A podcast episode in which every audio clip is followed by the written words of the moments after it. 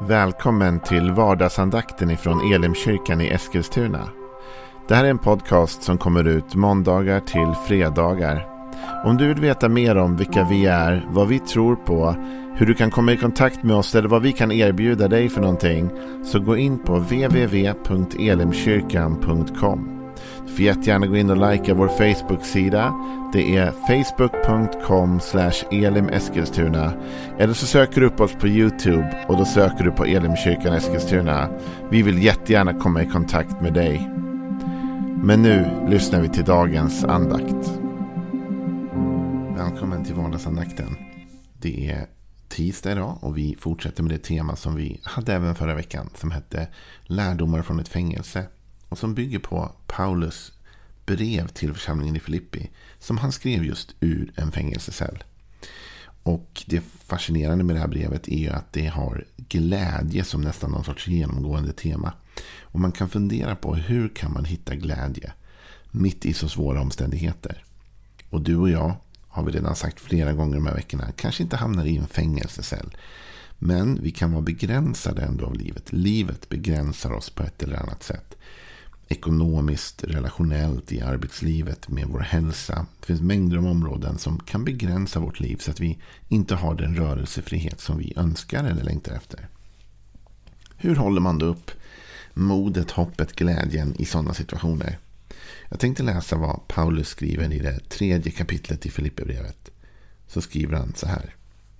Från vers 2. Eh, Nej, vers 1 läser vi. Allt som mina bröder. Gläd er i Herren. Att jag upprepar vad jag redan har sagt besvärar inte mig och er ger det trygghet. Var på er vakt mot de där hundarna, de där skadegörarna, de där sönder, den där sönderskärelsen. Ty, om, ty omskärelsen, det är vi som tjänar Gud i vår ande och har vår stolthet i Kristus Jesus och inte förlitar oss på något yttre.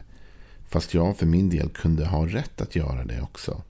Ja, om någon tror att han kan förlita sig på något yttre så kan jag det ännu mer. Jag som blev omskuren på åttonde dagen, som är av Israels folk och Benjamins stam. En hebre född av hebreer, i laglydnad en farisé. I trosiver en kyrkans förföljare, i rättfärdighet efter lagen en oförvitlig man. Men allt sådant som var en vinst för mig har jag för Kristi skull kommit att räkna som en ren förlust. Ja, jag räknar faktiskt allt som en förlust jämfört med det som är långt mera värt.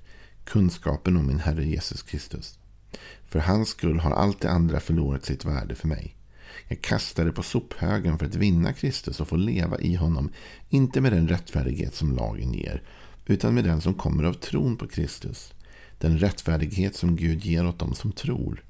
Jag vill lära känna Kristus och kraften från hans uppståndelse och dela hans lidanden genom att bli lik honom i en död som hans. Kanske då kan jag nå fram till uppståndelsen från de döda. Och sen så talar han vidare om det vi nämnde förra veckan. Att vi ska inte tro att han har nått fram till detta eller redan blivit fullkomlig här. Men han sträcker sig mot det som ligger framför. Det intressanta är Paulus talar om här. Först igen börjar han med allt som mina bröder glädjer i Herren. Och han säger jag upprepar vad jag redan har sagt. Alltså glädjer. Så han säger vi bör vara glada i Herren. Och just den där frasen är ju en nyckelfras. Glädjer. Inte i era omständigheter. Inte i fängelsecellen. Inte i allt det ni kan eller presterar eller är. Utan glädjer i Herren. Den glädjen är beständig även om vårt liv förändras runt omkring oss.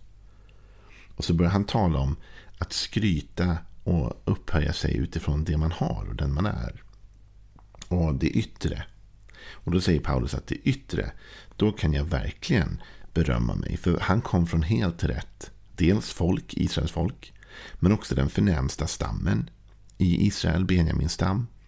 Och han var dessutom omskuren på åttonde dagen som lagen krävde. Och han, I allt var han en farisé, en laglydig. Han försökte hålla sig till det rätta. Han gjorde det rätta. Ändå säger han att han har kommit att kasta allt sånt som var en personlig vinst för honom på sophögen. För Kristus. Det som är mer värt.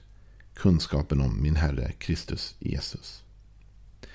Vet du, min lärdom som jag vill dela med dig idag, som ju såklart inte är min då, utan egentligen Paulus lärdom, Det är att lära oss att prioritera vad som är viktigt. Och att helst göra det redan innan vi hamnar i en fängelsecell. Att sätta saker i rätt perspektiv. Därför när Paulus hamnar i fängelsecellen här. Då har han ju inte tillgång till något av det han äger. Till exempel. Han sitter ju där inne. Han kanske har någon grej, vad vet jag. Han skriver ju på ett papper då som han har fått eller något. Men han har ju inte sina prylar, sitt hem, eh, sina saker. Va? Så om han hade all sin glädje i det, då hade han ingen nytta av det nu. Likadant liksom hans eh, goda anseende i, det, i judiska eh, liksom, världen. Va? Att han var från rätt familj, rätt släkt och allt detta. Det betyder ingenting nu. Nu sitter han i fängelse på grund av att han predikar Jesus. Så han har förlorat allt detta kan man säga. Och då kan, om man hade sin glädje i det så är den glädjen nu borta. Om man tänker så här för dig och mig. Om din glädje har varit en god och stabil ekonomi och så blir du av med den. Då är din glädje borta. Om all din glädje har varit kopplad till en viss relation och den relationen tar slut. Då är ju all din glädje borta. Om din glädje har varit helt och fullt kopplad till något som har med din hälsa att göra och så förlorar du din hälsa. Då är all din glädje borta med det. Och det är det som händer när vi blir fängslade fast i livet. Det är att vi förlorar tillgång ibland till det som är det som har gett oss glädje. Men här säger Paulus att han har omvärderat sitt liv redan innan fängelset. Att det som han förr hade sin glädje i och tyckte var det som var mest värt av allt är inte längre det mest värda för honom. Utan det mest värda för honom är kunskapen om Kristus och relationen med Jesus. Och den relationen har han ju kvar. Det är kanske en av de få saker han har kvar i den här isoleringen. Att Jesus fortfarande är kvar. Och om Jesus är din glädje och min glädjes djupaste källa. Och jag säger inte att man inte kan vara glad av relationer eller att man inte kan vara glad av pengar eller inte kan vara glad av en god hälsa. Det är klart, allt det där ger ett mått av glädje. Det gör det självklart. Men om vi förlorar det och har Jesus som den djupaste källan till vår glädje i vårt liv, då har vi fortfarande en glädje kvar. Så vad händer om mitt äktenskap faller sönder men jag fortfarande har Jesus? Då har jag min glädje i honom. Vad händer om jag har liksom Eh, min om min ekonomi raseras? Men jag fortfarande har Jesus. Ja, men då har jag fortfarande en glädje kvar i Jesus. Och så vidare kan vi plocka bort område efter område, sak efter sak. Och så ser vi att om allting faller, försvinner, går bort så har vi ändå Jesus kvar. Och glädjen finns i honom, i den han är, i kunskapen om honom och vad han har gjort för oss. Så hittar Paulus glädje även i fängelset och säger gläd er i vad? I Herren. Inte i allt det ni har, i era omständigheter, allt det ni trodde var så stabilt och säkert, utan gläd er i Herren. Jag tänker mig att i den värld vi nu lever i där vi haft en pandemi i ett par år som har lyft bort många saker ur vårt liv. Och nu så finns det krig i Europa som också oroar oss och oroar inför framtiden. I de tiderna så inser vi att så mycket av det som vi har litat på, vi har haft vår glädje i, kanske helt plötsligt försvinner. Det är inte säkert att man har de här sakerna för alltid. Det är inte säkert att man har den friheten för alltid. Det är inte säkert att ekonomin håller för alltid. Det är inte säkert att alla relationer är cementerade för alltid. Saker och ting går sönder. Men Jesus är densamme. Igår, idag och för evig tid. När vi sätter vår glädje i honom då har vi en djupare källa till glädje som aldrig överger oss. Jesus sa faktiskt att jag är med er alla dagar till tidens slut. Och Jesus var ju den som var med Paulus i fängelset. Det är till och med så att Paulus känner att den här fängelsevistelsen, den här begränsningen kan ge honom en möjlighet att komma närmre Kristus. Därför att han också får ta del i, i lidandet precis som Kristus. Och då tänker jag att det är det som är så spännande när livet begränsas och vi blir begränsade av olika saker.